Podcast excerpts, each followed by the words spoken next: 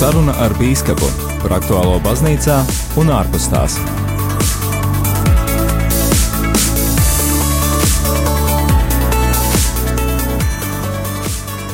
Kāpēc Vatikānam un baznīcai ir vajadzīgs diplomātiskais dienests? Vai tā nav jaukšanās ārpolitikā, vai baznīca ir darījusi visu, lai novērstu pedofīlijas gadījumus? Kā ņemot vērā dažādos skandālus, baznīca var turpināt komunicēt savu vēsti? Vai pastāv plaisa starp konservatīvo un liberālo virzienu baznīcā?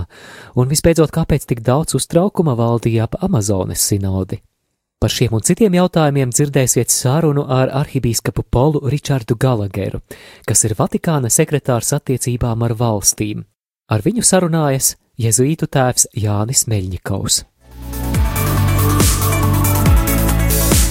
Saruna ar Bīskapu par aktuālo baznīcā un ārpus tās. Mums ir iespēja šodien runāt ar Vatikāna, augstu Vatikāna viesi, svētā krēsla pārstāvu arhibīskapu Polu Ričārdu Galageru. Um, so welcome Laipni lūgts Latvijā un paldies, ka piekritāt intervijā. Paldies, priesteri, man prieks un gods būt šeit. Precizējot priekš mūsu skatītājiem un klausītājiem, vai pareizi teikt, ka esat Vatikāna ārlietu ministrs? Mēs vienmēr sakām vairāk vai mazāk ārlietu ministrs, jo attiecības ar ārvalstīm visās valstīs zināmā mērā ir sadalīta starp valdības vadītāju un ārlietu ministru. Valsts dzīvē fakts, ka valdības galva vēlas ietekmēt ārlietas, ir svarīgi. Svētajam krēslam valdības galva ir kardināls Parolīns, kurš ir valsts sekretārs. Viņam ir liela loma ārlietu politikā, un tādēļ mēs strādājam kopā. Man būtu svarīgi saprast, kādēļ baznīcai vajadzīga ārlietu ministrija, diplomātiskais dienests vai politiskā iesaist kopumā.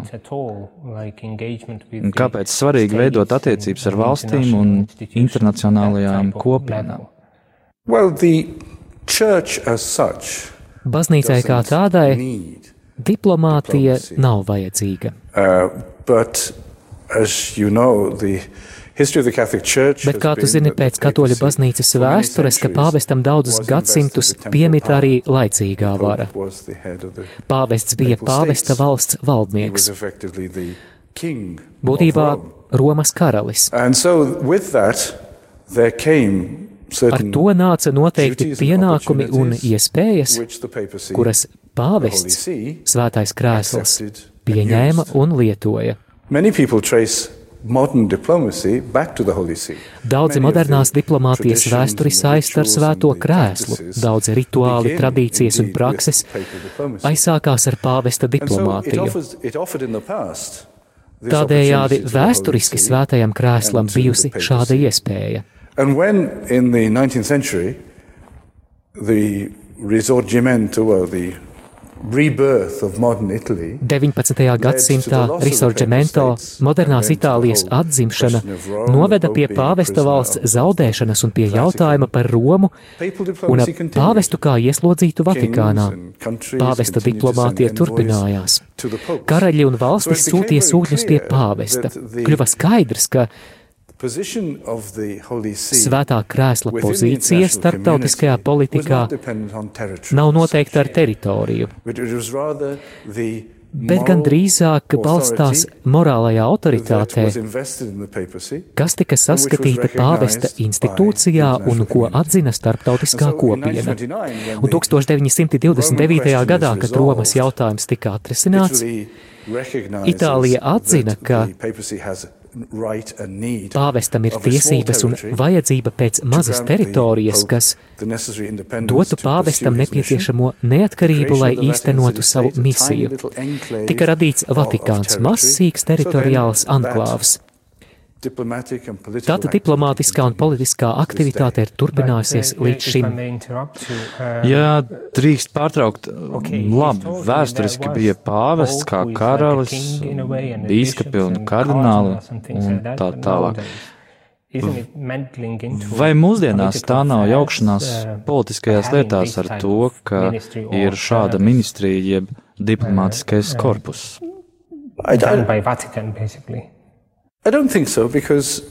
Es tā nedomāju, jo pāvesta loma ņemt dalību starptautiskajās lietās atbilst baznīcas lomai.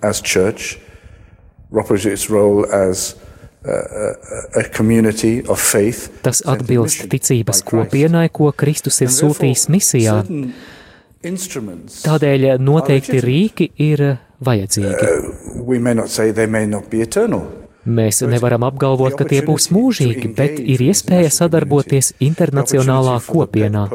Iespēja pāvestam tikt pārstāvētam pasaulē caur apustuliskajiem nuncijiem, iespēja pieņemt vēstniekus no citām valstīm, nodrošina komunikācijas un apmaiņas attiecības tīklus kas ir ļoti vajadzīgi starptautiskajai labklājībai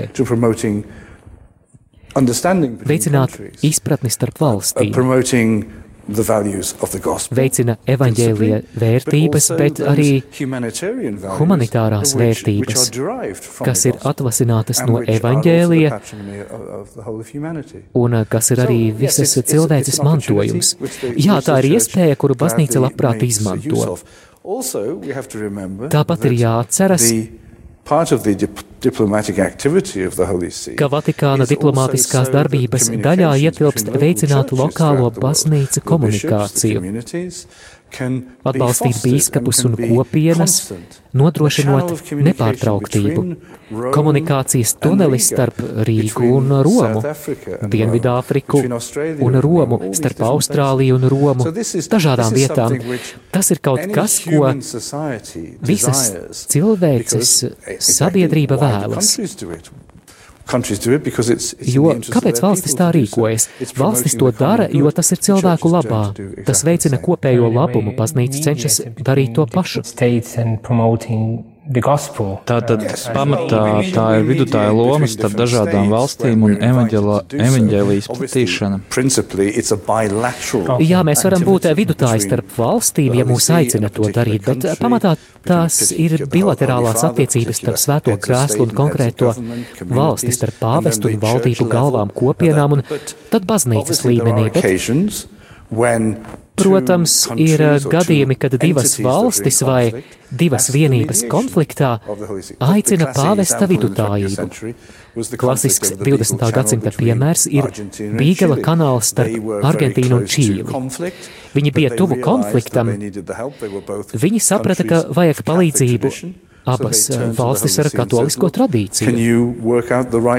Viņas vērsās pie svētā krēsla ar lūgumu palīdzēt saprast konkurējošo pušu tiesības, un tas tika izdarīts. Kardināls Samurejs bija galvenais vadītājs šim procesam. Situācija atrisinājās veiksmīgi, kas beigās vainagojās ar vienošanos starp šīm valstīm un izvairīšanos no kara un visu negatīvo, kas būtu tā sekas. Jūs minējāt, ka Vatikāna diplomātijas mērķis ir kopējo cilvēcisko vērtību veicināšana. Jā, un ir noteiktas prioritātes. Prioritāte ir reliģijas brīvība, kas ir fundamentāla pāvesta misija. Um, Veicināt cilvēciskās tiesības kopumā, kas kā es iepriekš teicu, ir atvasinātas no evaņģēlija. Kādēļ es par to jautāju? Ir dažādas variācijas un izpratnes par to, kas ir cilvēciskās vērtības. Jā, tā ir. The church is teaching related to yes, we, life, we, life. We, we go back to Mēs Mēs eh, vēršamies pie fundamentālām cilvēciskajām vērtībām un fundamentālās brīvības, kā tas ir noteikts apvienoto nāciju deklarācijā pēc otrā pasaules kara. Esam atturīgi pret vēlāk izdotajām tiesībām. Došos pie uh, nākošā jautājuma. Um, Pēdējos divos vai trīs gados Latvija bijusi aplaimota ar dažādiem viesiem no Vatikāna. Kardināls Parolīns bija šeit aizpagājušo gadu pāvests arī citi kardināli, kas bijuši Latvijā vai Baltijā. Kam par godu tik lielu uzmanību vērsta Baltijai un Latvijai? Vispirms jādodas tur, kur esi aicināts. Tā tad jūs bijāt aicināts. Pāvests tika aicināts kardināls, Parolīns tika aicināts kardināls, Turksons bija aicināts, lai atklātu baznīcas sociālās mācības kompendija latviešu tulkojumu. Jā, parasti valdības vai lokālās baznīcas aicina cilvēkus no Romas uz kādiem īpašiem gadījumiem, jubileju vai gadsimtu vai ko tādu. Vai varu prasīt, kas ir jūsu vizītes mērķis? Manas vizītes mērķis bija beidzot uh, atsaukties uz aicinājumiem, kurus vairāk kārt, vairāku gadu garumā es saņēmu no Igaunijas un Latvijas. Es esmu šajā darbā jau sešus gadus, un mani Latvijas un Igaunijas kolēģi vienmēr aicināja, lai viņus apciemoju. Lokālās baznīcas šo aicinājumu atbalstīja. Es esmu bijis pāris reizes Lietuvā, kad es biju Eiropas padomē, tad arī pirms pāris gadiem Snow sanāksmē, ko viņi organizē katru janvāri. Un es nodomāju, ka ir laiks ieviest līdzsvaru un iepazīt pārējās Baltijas valstis. Es sapratu, ka jūs tikāties ar Latvijas ārlietu ministru Rinkēviču, vai drīkst vaicāt, kas bija sarunu tēmas? Nē, man bail, ka nevar jautāt. Tās, tās ir uh, privātas konsultācijas.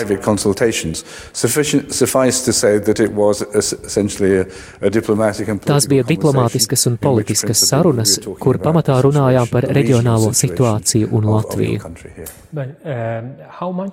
Cik daudz jūs zināt par Latviju? Uh,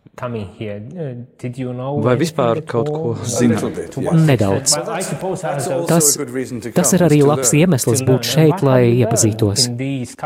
Ko esat uzzinājuši šajās pāris, teiksim, 24 stundās? Šīs vizītes ietveros nedaudz vairāk uzzināju par Latvijas pieredzi cīņā par neatkarību, par cilvēku ciešanām sastopoties ar nacisma un padomju režīmiem, ir svarīgi, ka izveidojas tāds zināšanu pamats, Jo bez tā priekšstati par kādu valsti ir vairāk spekulatīvi un teorētiski. Kāda ir šī valsts Latvija, kādi ir cilvēki? Maza valsts. Latvijas stāsts ir svarīgs un var redzēt, ka Latvija tās valdība, tās cilvēki vēlas šo stāstu izstāstīt. Un domāju, ka daudzi no mums mēs vēlamies šo stāstu dzirdēt un dalīties ar to arī ar citiem. Ir ļoti jauki dzirdēt, ka kāds novērtē vēsturi un cenšas Es domāju, ka tā ir daļa no cilvēces stāsta. Um, Šodien pa dienu runājot, sapratu, um, ka tas ir tiesa, ka Latvijas stāsts, kā liela daļa austrumu Eiropā, ir stāsts par traģēdiju. Bet reizē arī cerības stāsts. Man šķiet, ka problēma, ar ko saskaramies, ir tā, ka mums, cilvēkiem, kas dzimuši pēc otrā pasaules kara, Atmiņa par svarīgiem notikumiem, kā holokausts, kā bruņotie konflikti, vājinās.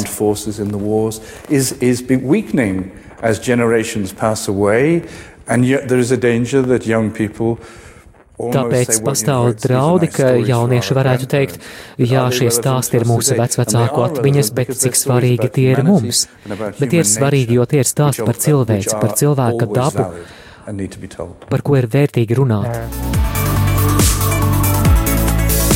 Saruna ar bīskapu par aktuālo baznīcā un ārpus tās.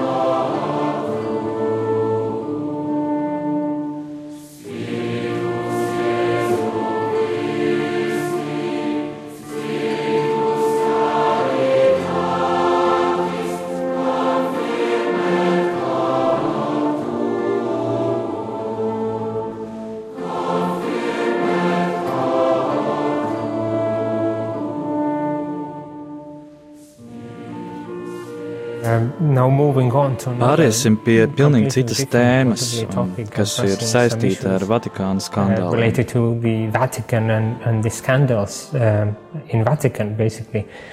Pēdējās nedēļās un mēnešos, bet ne tikai, ir bijuši skandāli, kas, piemēram, saistīti ar pāvestu Francisku un kardinālu Sāru un grāmatu par celibātu, cenšoties aizstāvēt celibātu, kas pēc kardināla domām kaut kādā ziņā tiek apdraudēts. Tas ir piemērs tam, kas notiek, vismaz no manas perspektīvas šeit Latvijā. Visu laiku notiek skandāli, strīdi, pāvests tiek apstrīdēts. That you constantly hear all these scandals or um, arguments going on and contradicting Pope, and it seems like Šķiet, ka ir atklāts karš starp konservatīvajiem un liberālajiem. Tas, ko gribu saprast, ir, kas notiek baznīcā un Vatikānā. Es domāju, ka ir jānošķir baznīca un Vatikāns. Baznīca nav Vatikāns un Vatikāns nav baznīca. Man ir 66 gadi. Es piedzimu 1954. gadā. Es piedzimu deviņus gadus pirms Vatikāna koncila uzsākšanas. Vatikāna koncils beidza 65. gadā. Tikai savas sestās desmitgades laikā es sāku nedaudz saprast baznīcas dinamiku un debates baznīcā, kas notiek pēc Vatikāna koncila. Visu šo laiku, kopš esmu apzinājies šīs lietas, cilvēki ir debatējuši, diskutējuši par celibāta vērtību, tradīciju, disciplīnu baznīcā. Godīgi sakot, es neredzu neko īpaši jaunu šeit. Kas ir iespējams, kā tu novēro, ka ir spriedze baznīcā starp konservatīviem un liberālām grupām baznīcā, un šī polarizācija iespējams beidzamajos gados ir kļuvusi sliktāka. Noteikti atgadījumi liek Uh, konservatīvajām grupām būt nedaudz uh, satrauktām, ka pastāv briesmas, ka baznīcas disciplīna varētu tikt mainīta. Tas nav svētā tēva nodoms. Pāris mēnešus atpakaļ bija bīskapu sinode par Amazonas reģionu. Tur bija diskusija, um, vai kādā brīdī nevarētu tikt ordinēti vīrieši, kas ir ticībā un morālē pārbaudīti vīrieši un kas varētu svinēt evaharistiju Amazonas reģionā. Šis bija tas, kas sinodē tika apspriests. No vienprātības bija tālu. Visi atzina, ka šādi lēmumi ir svētā tēva tiesības. But Bet viens bija skaidrs. Svētajam tēvam nav nodoms mainīt universālās baznīcas disciplīnu, kas attiecas uz celibātu, kā nosacījumu, lai varētu tikt ordinēts par priesteri Latīņu rīta baznīcā, jo, kā mēs zinām, mums jau ir austrumu baznīcā precēti priesteri. Precēto priesteru fenomens nav nekas jauns. Ja mēs skatāmies uz Vāciju, protestantu mācītāju konversijā, pie 12. laikā tika izveidot, izveidota īpaša iespēja. Beidzamajās dekādēs anglikāņu priesteriem, kas kļūst par katoļiem, Beidzamajās eh, dekādēs ar noteiktiem nosacījumiem ir atļauts tikt ordinētiem. Tātad dažas no šīm idejām nav revolucionāras, un tas ir iespējams, ka nākotnē svētais tēvs varētu ieviest nosacījumus, lai pastorālie asistenti tādās kopienās kā Amazonē varētu tikt ordinēti. Es domāju, ka tas, kas izraisa satraukumu, ir, kā mēs zinām, ka ir daudzas vietas pasaulē, kur vietējo baznīcu dzīve tiek izvērtēta un var sekot lūgumi arī viņus iekļaut šādos nosacījumos. Tas būs laika gaitā jāizvērtē, um, bet ir uh, svarīgi, ka arī grupu ar atšķirīgajām interesēm balsis tiktu sadzirdētas. Uh, uh, Un tas nav nemaz tik nesaprātīgi. Es personīgi nedomāju, ka šī ir situācija, kur mums būtu jābūt satrauktiem. Es domāju, ka īpaši nosacījumi varētu tikt ieviesti. Celibāta vērtība dažādos gadījumos arī šajā pontifikātā ir atkārtoti apstiprināta un nostiprināta. Un es domāju, ka ir liela vajadzība parādīt, izcelt baznīcā nepārējošu vērtību un celibāta auglīgumu baznīcas dzīvē. And, uh, And also we have to say that, you know, that Un arī mums, where, where there are possibilities izvērtējot clergy, kur ir iespēja precētai priesterībai, šīs lietas ir jāizvērtē realistiski. Kāds būs iespējas uz kopienu, kā kopiena uzturēs precētos priesterus un ģimenes. Un vajadzīgas lietas ir nepieciešams paredzēt, un uz dažām no šīm lietām nav viegli, vienmēr viegli atbildēt. Jūs teicāt, ka mums ir jāatpazīst celibāta labums. Es to neapšaubu, bet tomēr gribu jautāt arī kontekstā ar seksa skandāliem, pedofīliju un visu citu, kas notiek baznīcā.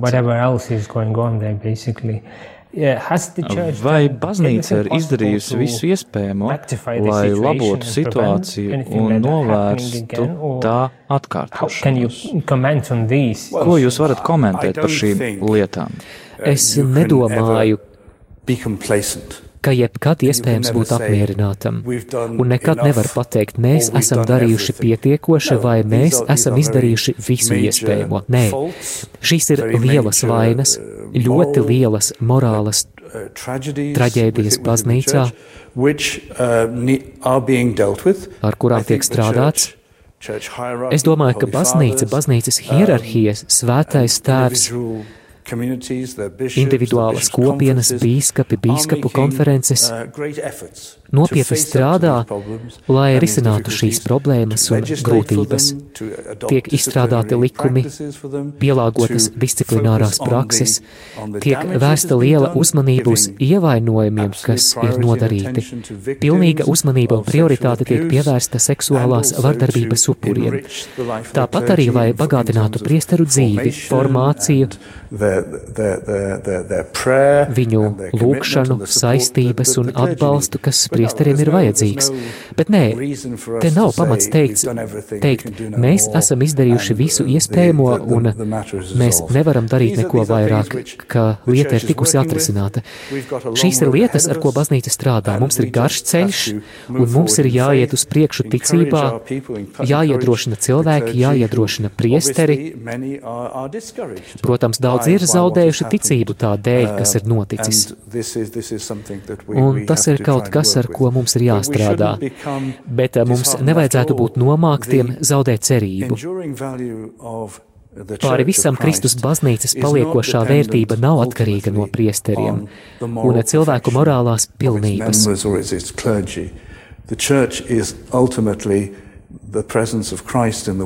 Baznīca pāri visam ir Kristus klātbūtne pasaulē. Tas ir Kristus, ko mēs cenšamies atklāt pasaulīgos traukos, dažreiz lielā trauslumā, bet cenšoties saglabāt Kristus bagātību, kas ir pestījošā žēlastība ko mēs pasludinām. Un tomēr ir grūti nodalīt šīs divas vienības. Jā, un mums vajag to risināt. Viens līmenis, ar kuru jāsaskaras, ir politiskais un diplomātiskais līmenis. Vai jūs esat piedzīvojis grūtības vai problēmas saistībā ar seksa skandāliem savas darbības ietvaros? As a diplomat on the, this level, institutional? Well, you know, that uh, diplomacy Diplomātija is, is an interinstitutional ir saistīta ar attiecībām Now, starp institūcijām. Ja tēls vai reputācija, vai autoritāte, vai ticamība institūcijai ir bojāta, tad attiecības mainās. Jā, tātad ir iespējas uz baznīcas diplomātiju. It's true. Um, How, Ko jūs darāt, lai to labotu? Well, I, I think it's, it's part of the, what we've just been talking about. It's all tas ir tas, par ko runājam. Tas ir daļa no tā procesa, kas ir atgriešanās, attīrīšanās, nožēla, uzticības atjaunošana, pie kā ir jāstrādā. Te nav burvju nūjiņas, ka pēkšņi visas tās problēmas ir atrisinātas, un katoļu baznīcas tēls vai tās hierarhija ir izmainīta. Tā tas nav. Tas ir kaut kas, ar ko jāstrādā, bet zini, Visas valstis un institūcijas iet cauri nacionālās krīzes momentiem, uh, kur viņu tēls ir iedragāts un arī baznīcai nav citādāk. Mums ir jāstrādā ar to, mums jābūt realistiskiem un godīgiem un atklātiem. Un uh, jācenšas iet uz priekšu, bet jā, sekas pastāv. Um, Tas ir internacionālais vai institucionālais līmenis. Bet tad ir arī otrs līmenis. Ko jūs sakāt cilvēkiem, kas ir šo skandālu ietekmēti? Ir kaut kas, ko jūs varat pateikt cilvēkiem, lai mudinātu atgriezties atpakaļ baznīcā vai ticībā, ja viņi aizgājuši? Jo tas ir ietekmējis cilvēkus ļoti būtiskā līmenī, un ne tikai katoļus, bet viscaur pasauli. Ko jūs sakāt cilvēkiem? Viņi apšauba ticību, baznīcu, uzticību, vērtības. Ko jūs sakāt cilvēkiem, kas uh, piedzīvo tādus izaicinājumus kā šis? Tu saki to, ko saki ikvienam, kas uzdot jautājumu. Tu sniedz atbildi, ko tajā brīdī vari pateikt no sirds un godīgi. Vai tas kaut ko labo, nezinu. Patiesībā šaubos. Bet atgriežoties pie tā, kas ir kristietības centrā, baznīcas noslēpuma centrā, tas nav, ka mēs sludinām dzīvesveidu vai aicinām cilvēkus ņemt dalību kopienā vai institūcijā, kas tēlotu perfekciju. Drīzāk mēs vienmēr esam teikuši, ka mēs esam grēcinieku kopiena. Grūtības rada tas, ka mēs paši ilgu laiku tam neticējām. Tagad tas ir skaidrs. Acīm redzams visiem, mēs esam grēcinieku kopiena, kam ir vajadzīga atgriešanās un atpestīšana. Iespējams, ka cilvēki, kurus vispirmām kārtām ir jāpārliecina, esam mēs paši, un tad jāatjauno mūsu pašu ticība baznīcē, un tad jāiet uz priekšu pie citiem.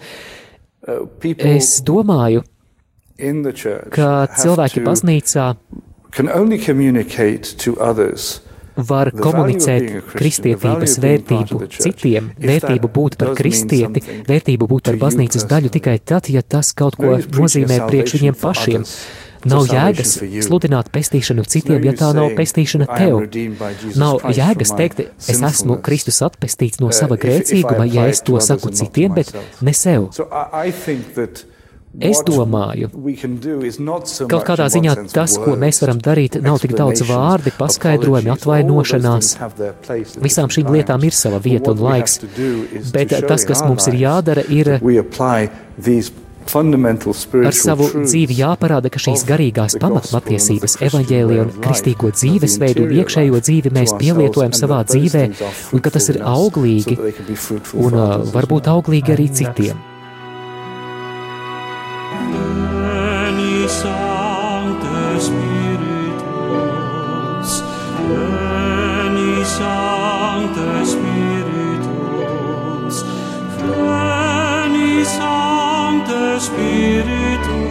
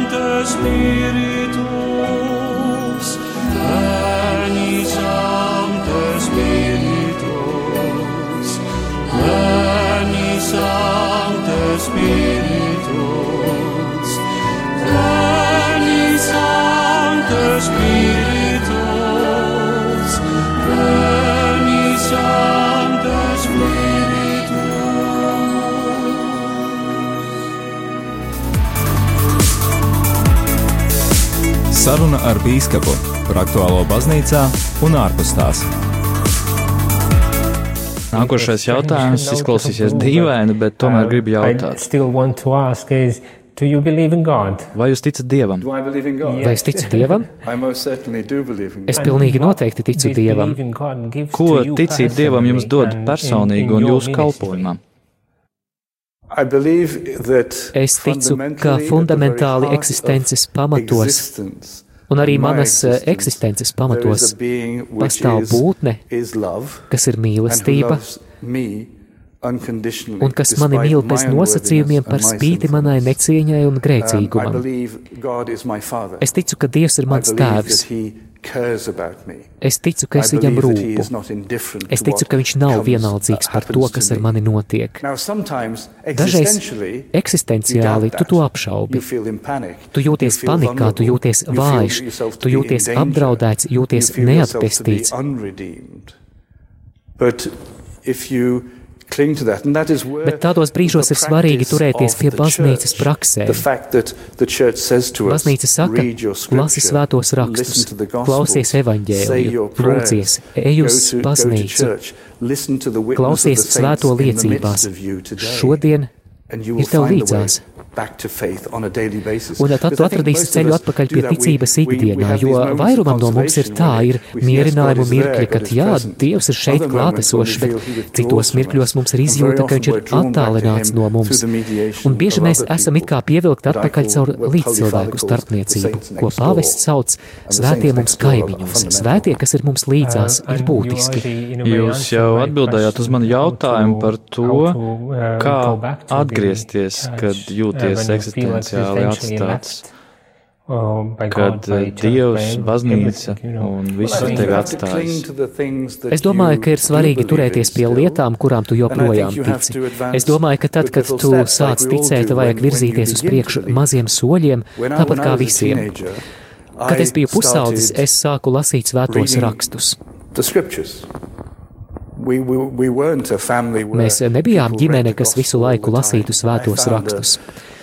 Es atradu evaņģēliju angļu valodā, ko Tēvs bija mantojis no savas ģimenes. Es nedomāju, ka tas bija kādreiz atvērts, jo grāmata bija perfektā stāvoklī.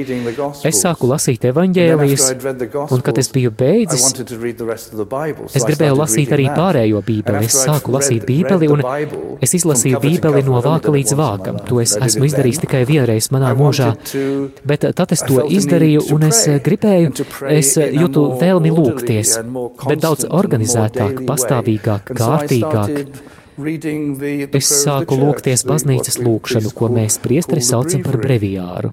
Un lēnām tas mani baroja, un es sapratu, ka man vajag to barību. Un es atradu šīs lietas. Tas viss ir Baznīcas mantojums, bez baznīcas tā visa man nebūtu. Tas ir tas, ko ticīgo kopiena ir nodevusi mums caur gadsimtiem, ar visu tās nepilnību un visām tās kļūdām, ar vēsturiskajām, tagadējām un personīgajām kļūdām. Bet tā joprojām dod svētos rakstus, joprojām dod svēto misi, to visu. Es zinu, ka daudz cilvēki teiktu, bet tas ir tik vecmodīgi un nedara manam dzīvesveidam. Jūs sakāt, ka ir jāatgriežas pie baznīcas saknēm, uh, un pāvests Francisks to pašu saka, izaicinot cilvēkus.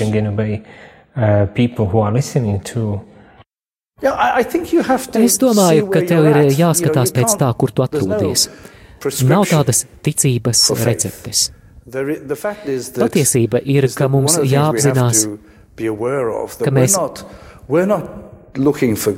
Nemeklējam Dievu, bet Dievs meklē mūsu, un Viņš tevi atradīs. You know, that fa that famous, Ir tāds slavens angļu katoļu dzēnieks Francis Thompsons, kas sarakstīja grāmatu Debesu suns. Viņš saka, ka Dievs ir kā suns, kas dzenas pēc medījuma. Dievs tāds ir. Viņš ir kā greizsirdīgs mīlnieks, kas nepadosies. Mēs tad varam ķert mazās lietas, ko viņš mums sūta, mazās intereses. Zini, ir cilvēki, kas pievērsās ticībai Izlasot noveli, ko sarakstījis katolis vai dzējoli, ko sarakstījis kristietis vai kaut kas, ko sarakstījuši jūdi un kas iededzinājis ticības dzirksti. Pat brīdī, kad liesma ir gandrīz nodzēsta, tā var tikt atkal iedegta dažādos veidos, un Dievs nāk mums pretī. It kā sanāk, ka nekas daudz nav jādara, Dievs pats tev tuvosies es, piemēram, nedomāju, ka tas ir kā kāpt kalnā.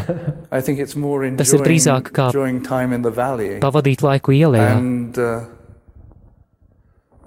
Thomas Merton Tomas Smetons savā garīgajā autobiogrāfijā septiņu loku stāsts apraksta cilvēka stāvokli. And then he, he again Kādā brīdī viņš saka, ka domā, ka viņš ir riepīgs un nepievilcīgs Dievam. Lēnām viņa garīgā dzīve attīstās visapbrīnojamākajos veidos. Viņš ierauga, ka viņam Dievs atklāja savu mīlestību, un Dievs to dara un bieži caur citiem cilvēkiem. Nākošais jautājums būtu, kas ir bijuši tie labākie un kas varbūt tie nepatīkamākie mirkļi jūsu amatā, kalpojumā? Jo esot šajā amatā droši vien var piedzīvot gan daudz laba, gan slikta. Yes, I, I, Jā, really es patiesībā pārāk daudz nesaskatu īpašās lietas savā priesterībā pēdējos gados, kopš esmu šajā amatā. Tas ir darba dēļ? Nē, vairākums no mums kļūst par priesteri, lai būtu parasti draudzes priesteri. Tādēļ esmu kļuvis priesteris. Um, Tikai vēlāk baznīca man prasījusi citas lietas, un es esmu tās darījis. Ah, Kas bija tāds īpašs, es pat nezinu. Um, es biju ļoti laimīgs būt par priesteri draudzē, kad biju ļoti jauns. Man patika strādāt slimnīcā ar slimiem un mirstošajiem. Um, Man patika sagatavot jaunus pārus laulībai, strādāt skolā, draudzes skolā. Tās bija labākās lietas, un tad vēlāk, vairākus gadus vēlāk, es nodarbojos ar garīgo vadīšanu. Es studēju garīgumu, pirms devos studēt kanoniskās tiesības, uzsākot diplomātiju, un tās bija lietas, kas sniedza gandarījumu, ka tu palīdzi jauniem cilvēkiem, piemēram, jauniem cilvēkiem seminārā atrast savu ceļu. Tās iespējams bija tās īpašās lietas. Protams, ka tev ir iespēja pavadīt svēto tēvu viņas, viņa ceļojumos apkārt pasaulē, tie ir ļoti aizkustinoši mirkļi, mierinājuma un iedrošinājuma mirkļi. Dažreiz ir mirkļi, kad sastopies ar veco labo tukšību, ko atnes slava. Tas ir tas, kā lietas vienkārši ir. Bet es domāju, ir svarīgi brīži, kad tu jūti, ka tu kādā veidā vienkārši esi Kristus priekš citiem cilvēkiem. Like Izklausās, ka jaunības sākotnējie soļi priesterībā bija labi, bet tagad jūs vienkārši pildāt savu pienākumu. No, no, no. Nē, nē, tā nav. Es ticu, ka, ja tu gribi šo darbu darīt labi, tad ir jāsaredz, ka tas joprojām ir stāsts par cilvēkiem, par dvēselēm. Tas ir kalpojums cilvēkiem. Tas nav kalpojums, ko tu pats gribētu izvēlēties. Tas nav kalpojums, kam tu gatavojies, bet tas ir kalpojums. And, uh, Pat politiķu un diplomātu līmenī viņiem arī ir dvēseles, viņiem arī ir garīgās vajadzības. Viņiem vajag iedrošinājumu un dažreiz labojumus. Un mēs cenšamies darīt visas šīs lietas dažādos veidos. Es domāju par to, Ko jūs darāt, lai sevi garīgi uzturētu? Uh, uh, es to prasu, jo daudz cilvēku piedzīvo ko līdzīgu. Viņi dara daudz lielisku lietu, bet kādā brīdī piedzīvo, ka tas ir garlaicīgi, ikdienišķi. Kā saglabāt garīgumu, uh, kā dzīvot bez gaušanās, bez nomāktības? Ko jūs darāt? being down too much and things like that. How, what do you do in order to? Like cling. Es turos pie lietām, par kurām zinu, ka tās ir labas. Lūkšana ir viena no tām. Es lūdzos vairākas reizes dienā, es svinu ikdienas svēto misi. Parasti kopā ar reliģisko kopienu, kas man palīdz tur, kur es dzīvoju. Es cenšos pieņemt uzaicinājumus, kas dažreiz nāk, piemēram, no reliģiskajām kopienām vai semināriem. Es cenšos paņemt labāko no tādiem ceļojumiem kā šis. Jau tūlīt mums būs mise ar konsekrētajiem Latvijā. Šie visi man ir liela iedrošinājuma brīži. Man vienmēr paticis sludināt. Es cenšos darīt arī to. Uh, Tās ir lietas, pie kā es turos, kad es jūtu, ka papīru darbs padara mani necilvēcīgu, mazāk garīgu. Un par nožēlu jāsaka, ka papīra darba ir daudz. Tā tad atrodot labāko no tā, kas ir dzīvē pieejams. Pieņemot iespējas, kas tiek piedāvātas. Vēl beidzamais jautājums saistīts ar jūsu saknēm. Kā zināms, Lielbritānija ir izstājusies no Eiropas Savienības. Kā jūs jūtaties par to? Iespējams, šis ir nekorekts jautājums. You, but still, maybe you can Um, no, well, Mans personīgais viedoklis are, are well ir labi zināms un nav vajadzības to atkārtot. Uh, Uh, Domāju, ka šodien jūtos uh, nedaudz bēdīgs par, par lēmumu, kas um, pēdējās stundās ticis īstenots. Bet atkal tas ir brīdis, kad tu ceri un lūdzies, ka tomēr būs labas beigas gan Britiem, kas izstājās, gan, gan Eiropiešiem, kas paliek. Tas ir, teiksim, the, shall we say, Ticības cilvēku, vīriešu un sieviešu uzdevums un pienākums iet uz priekšu. Labi, tas eh, iespējams nebija tas, ko ik viens gribēja, bet ir jādara viss, lai tas tomēr strādātu. Un eh, jādara viss iespējams, lai tas būtu kaut kas, kas visiem der. Nu, jau tas ir kā tāds virziens Eiropā. Polija sāka par ko tādu runāt arī Ungārija. Uh, something going on there. What Ko baznīca var darīt šajā sakarā?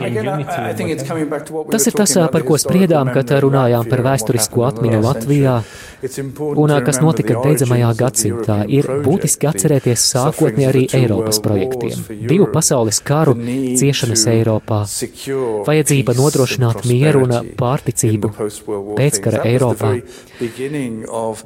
Tas bija pats Eiropas projekta sākums.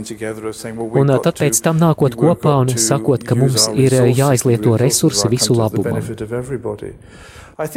Man šķiet, ka tas ir tas, uz ko mums visiem ir jākoncentrējas. Mums ir pat pienākums būt par labiem patriotiem. Jābūt lepnam ar savu valsti un tās tradīciju. Bet nevajag iekrist kārdinājumā absolutizēt šīs lietas. Tās Uh, padarot par pašmērķi. Ir jāceras, ka vienmēr ir uh, pienākums tiekties pēc kopējā labuma.